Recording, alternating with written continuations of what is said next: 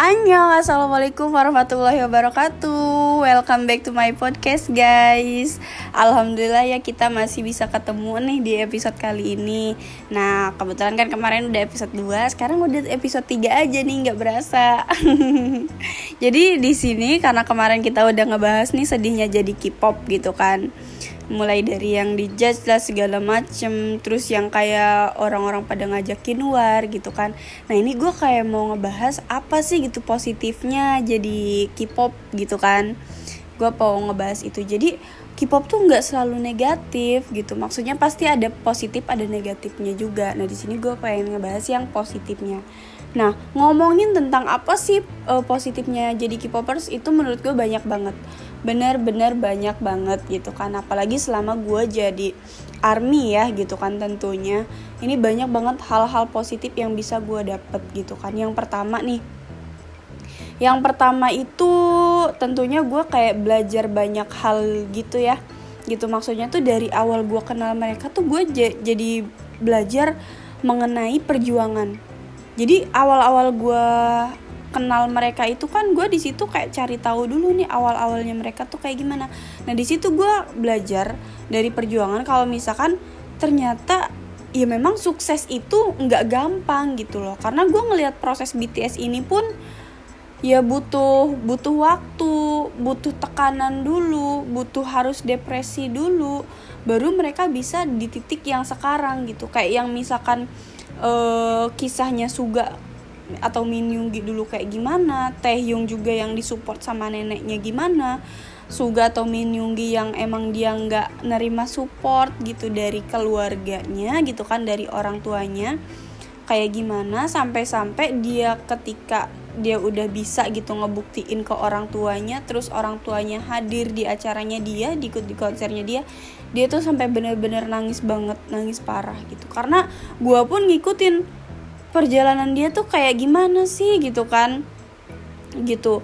Terus uh, selain itu yang kayak kisahnya Namjoon dulu gimana di head sama netizen yang katanya lu tuh nggak punya muka buat jadi idol musik lu tuh nggak bisa disebut musik lu tuh sebagai musik yang bagus kayak gitu kan? Tapi dia tetap fight gitu ngelawan itu semua. Dia yakin dia bisa. Nah di situ gue belajar dari semangatnya dia. Terus di sini gue juga belajar dari keyakinannya dia apa pun keadaannya jalanin. Yang penting yakin. Pasti ada hasilnya. Nah kayak gitu. Terus uh, selain itu kayak misalkan dari Jungkook juga gitu kan. Jungkook itu kan banyak banget agensi yang waktu itu pengen narik dia. Cuman di sini dia apa ya ngambil untuk masuk ke uh, big hit gitu kan. Karena kenapa? Karena dia ngefans sama rap monster gitu kan. Padahal di agen di agensi lain yang nawarin dia istilahnya itu agensi-agensi besar tapi dia milih big hit. Itu adalah suatu keputusan atau keberan, uh, keputusan yang sangat berani gitu loh kayak gitu itu yang bisa diambil bahwa kita nggak perlu takut gitu. Kalau memang misalkan kita punya kemampuan kita itu punya bakat kok gitu kan. Di mana pun kita berada kalau kita bisa mengasah itu gitu. Jadi kita bisa dapat positifnya. Toh istilahnya juga bisa sebesar ini. Kayak gitu. Kayak misalkan Jimin. Jimin juga pernah gitu kan ngalamin masa-masanya dia waktu dulu mau keluar kayak gimana gitu kan. Terus ya pokoknya gitu. Sampai sekarang dia berhasil juga di sini gitu. Jin juga gitu sama J-Hope juga yang dia didukung banget sama keluarganya. Pokoknya mereka tuh sampai masa-masa sulit mereka yang gimana dulunya banget Big Hit itu benar-benar agensi kecil banget sampai tempat latihan aja dia itu kecil banget nggak ada gitu loh. Pokoknya kayak gitu. Dari situ gue ngambil pelajaran oh iya nih gue jadi positifnya itu kenapa? Imbasnya ketika gue kerja. Jadi ketika gue kerja gue pengen ngeluh atau gimana gue jadi kayak yang kayak inget sapi ya gitu. Nggak ada istilahnya pekerjaan apa pun di bidang apa pun entah itu di bidang entertain gitu kan atau mungkin di bidang uh, kerjaan gue yang mungkin capai target pasti ada masa sulitnya. Entah mungkin itu di perkantoran atau lu dikerja di bank atau misalkan jadi sales atau jadi kasir atau kayak gimana pasti ada masa sulitnya. Gue belajar dari situ. Jadi oh iya jalanin aja deh gitu kalau misalkan kita ngejalanin gitu kan ikhlas gitu insya Allah pasti ada gitu kan kelihatan buahnya kayak gitu. Entah itu kapan yang penting kita jalanin aja terus gitu jalanin aja dulu bisa kok kayak gitu guys positifnya gitu yang pertama. Terus yang kedua di sini gue juga ngambil positifnya itu kita harus tahu uh, dalamnya orang itu dulu.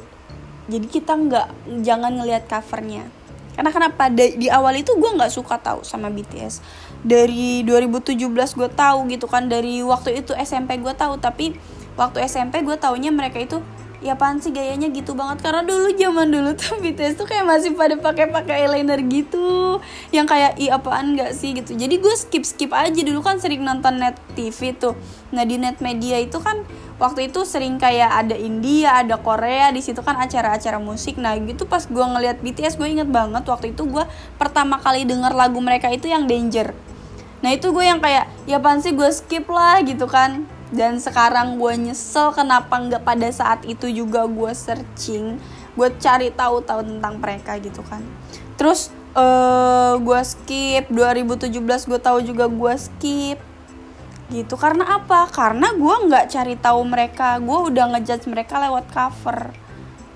Lewat ini backgroundnya doang. Gue nggak lihat dalamnya mereka kayak gimana mereka punya positifnya apa kayak gitu kenapa kok orang-orang biasa suka sama dia gitu. Dan ternyata setelah gue cari tahu tentang mereka wah ternyata mereka bisa loh dijadikan inspirasi gitu kan. Motivasi juga gitu. Kayak gitu gue yang kayak aduh ya allah nyesel banget nggak sih? Kenapa baru kenal mereka itu sekarang sekarang gitu. Kenapa nggak dari kemarin kemarin? Ya mikirnya kayak gitu gitu loh cuman ya udahlah ya gitu kan. Yang penting kan nggak apa-apa telat gitu kan daripada gua nggak tahu sama sekali gitu kan. Yang penting kan kita sama-sama dukung tujuannya kayak gitu. Kayak gitu sih. Terus apalagi ya positifnya itu pokoknya ke kehidupan sehari-hari tuh kayak nerapin banget. Gue jadi irit gitu kan. Misalkan gue niatnya nabung nih buat konser tapi ternyata konsernya nggak jadi jadi uang itu bisa kepake gitu buat biang lain gitu. Jadi buat kepake kalau misalkan kita lagi butuh apa-apa nih lagi sakit atau mungkin orang tua butuh uang atau mungkin ada istilahnya saudara yang sekiranya membutuhkan kita bisa ngebantu. Padahal itu niatnya buat konser gitu kan tapi konsernya nggak jadi nih gitu. Tapi kalau misalkan kita punya tabungan kan enak. Coba bayangin kalau misalkan waktu itu kita nggak nabung tiba-tiba sekarang kita butuh gitu kan apa yang mau kita pakai gitu kan? Nggak ada. Tapi karena kita punya tabungan ini ya jadi di sini positifnya kita bisa ngatur kok jadi bisa lebih ngatur keuangan gitu. Terus mereka tuh orangnya humble. Jadi kayak ngajarin kita juga buat setinggi apa pun kita gitu kan. Mereka kayak selalu ngingetin walaupun posisi itu lu itu tinggi gitu kan. Tapi mereka tuh selalu takut gitu. Mereka tuh juga takut ketika mereka berada di posisi tertinggi. Karena posisi tertinggi juga tanggung jawabnya tuh besar gitu loh dan gue ngambil dari situ gitu. Jadi kita tetap harus humble inget dulu awal kita itu siapa kayak gimana awalnya. Kayak gitu ya guys. Guys guysan aja nih. Uh, terus uh, apalagi ya? Positifnya selalu bikin mood balik.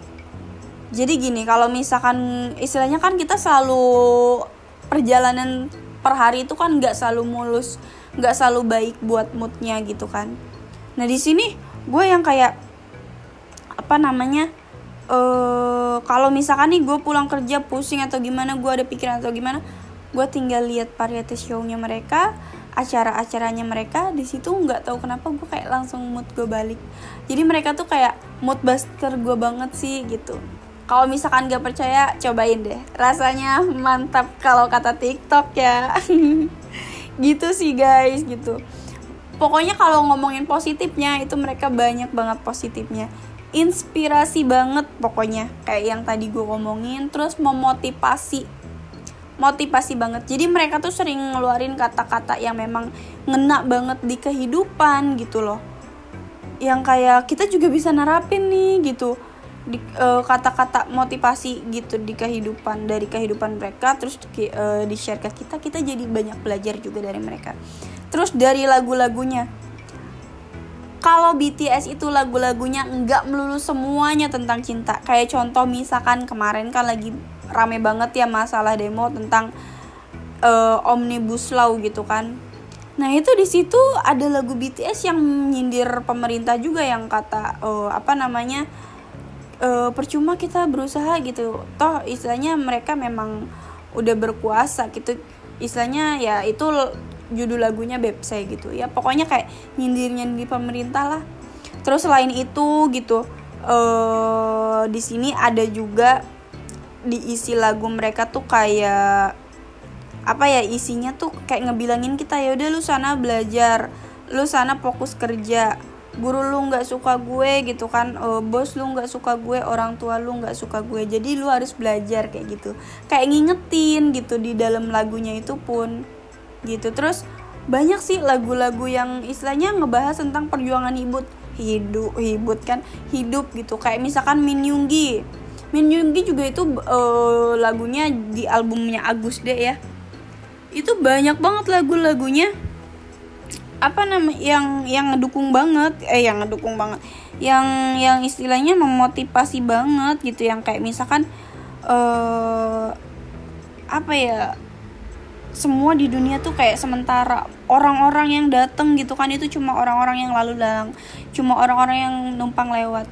Jadi istilahnya kalau misalkan nih kita uh, ketemu orang kita langsung sayang sama dia gitu kan ketemu orang kita langsung itu nggak bisa gitu. Karena semuanya itu nggak nggak bersifat abadi gitu. Semuanya pasti akan pergi. Terus kalau misalkan kita yang kayak setiap orang pergi kita nangis masanya kita mau nangis terus gitu kan? Jadi yang kayak ya gimana gitu semuanya emang udah kayak gitu nggak ada yang abadi gitu kayak gitu. Terus uh, banyak sih dari lagu-lagunya mereka yang gue ambil gitu. Kayak misalkan jangan pernah patah semangat gitu. Jangan pernah berhenti untuk bermimpi. Dan di sini jujur gue kemotivasi banget. Jadi dulu itu gue sempet down gitu kan. Sempet uh, putus asa sama mimpi gue gitu kan mimpi gue yang menurut gue tinggi gitu yang kayak misalkan gue pengen jalan-jalan nih ke luar negeri gitu kan. Gue pengen jadi orang sukses nih gue pengen ini. Dan gue sempet gagal gitu kan di dalam satu pekerjaan. Gue langsung yang kayak down. Gue bener-bener down. Pokoknya gue kalau misalkan jadi dari situ gue yang kayak ya udahlah gue pasrah aja deh gue kerja apa aja deh gitu kan. Yang penting gue punya penghasilan. Mikirnya gitu.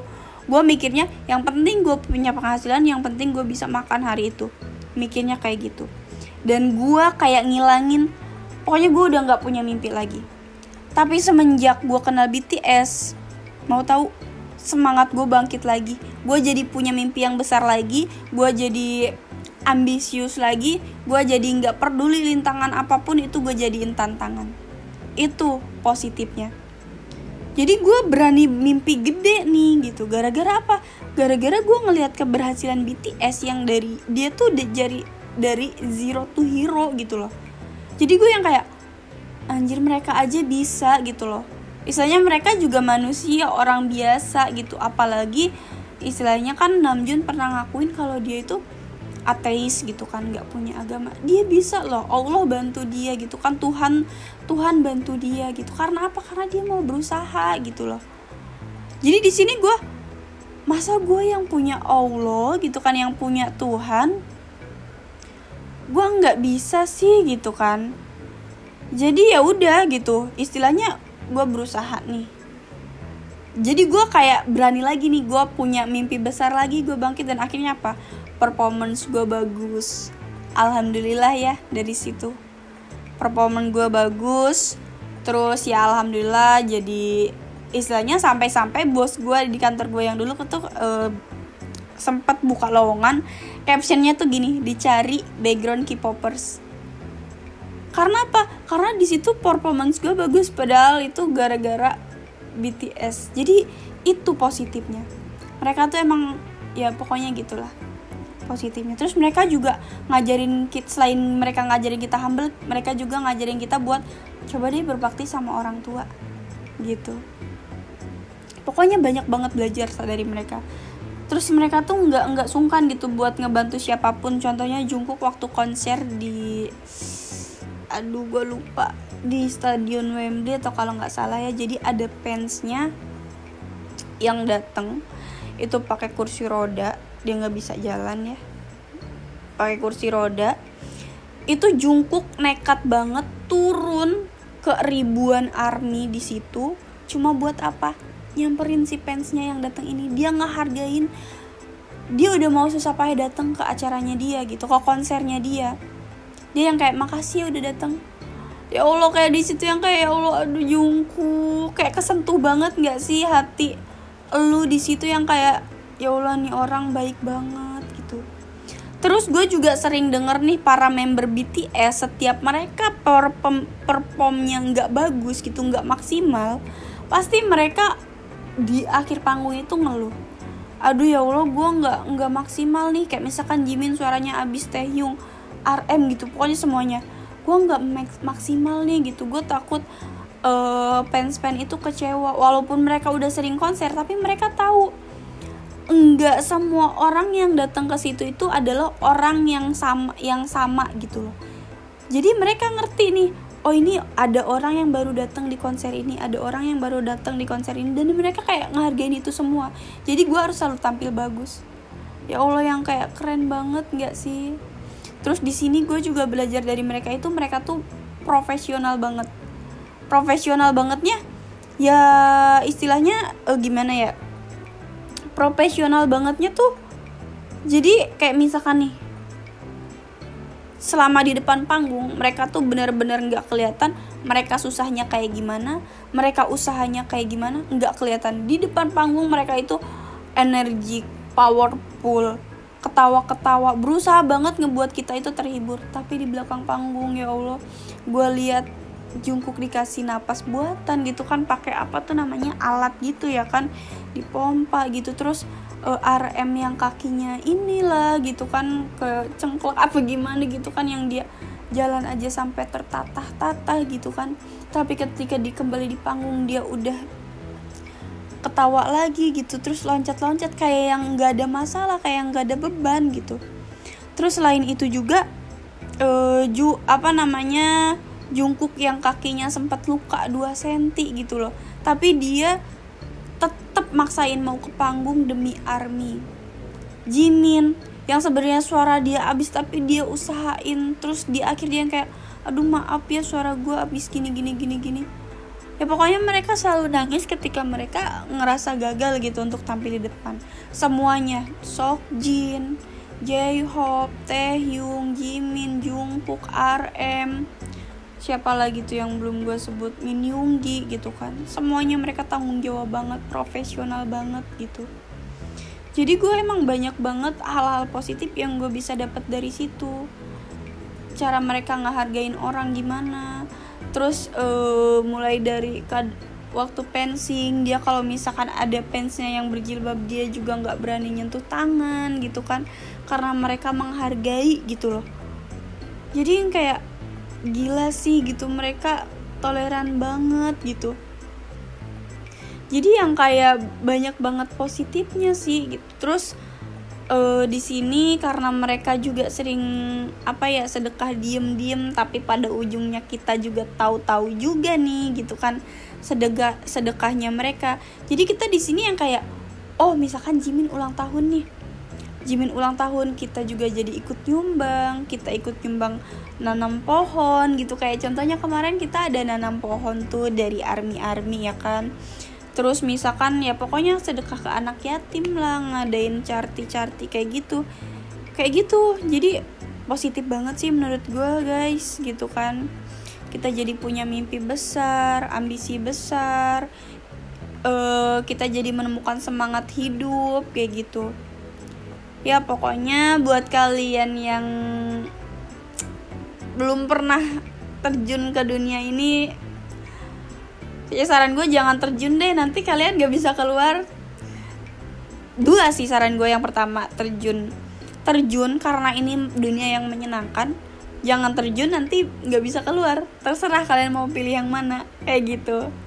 Oke untuk episode 3 kali ini mungkin Cukup sampai di sini kurang lebihnya saya mohon maaf. Semoga podcast kali ini bisa bermanfaat buat kalian pendengar-pendengar pendengar di sini yang genre musiknya mungkin berbeda, K-popers ataupun non K-popers.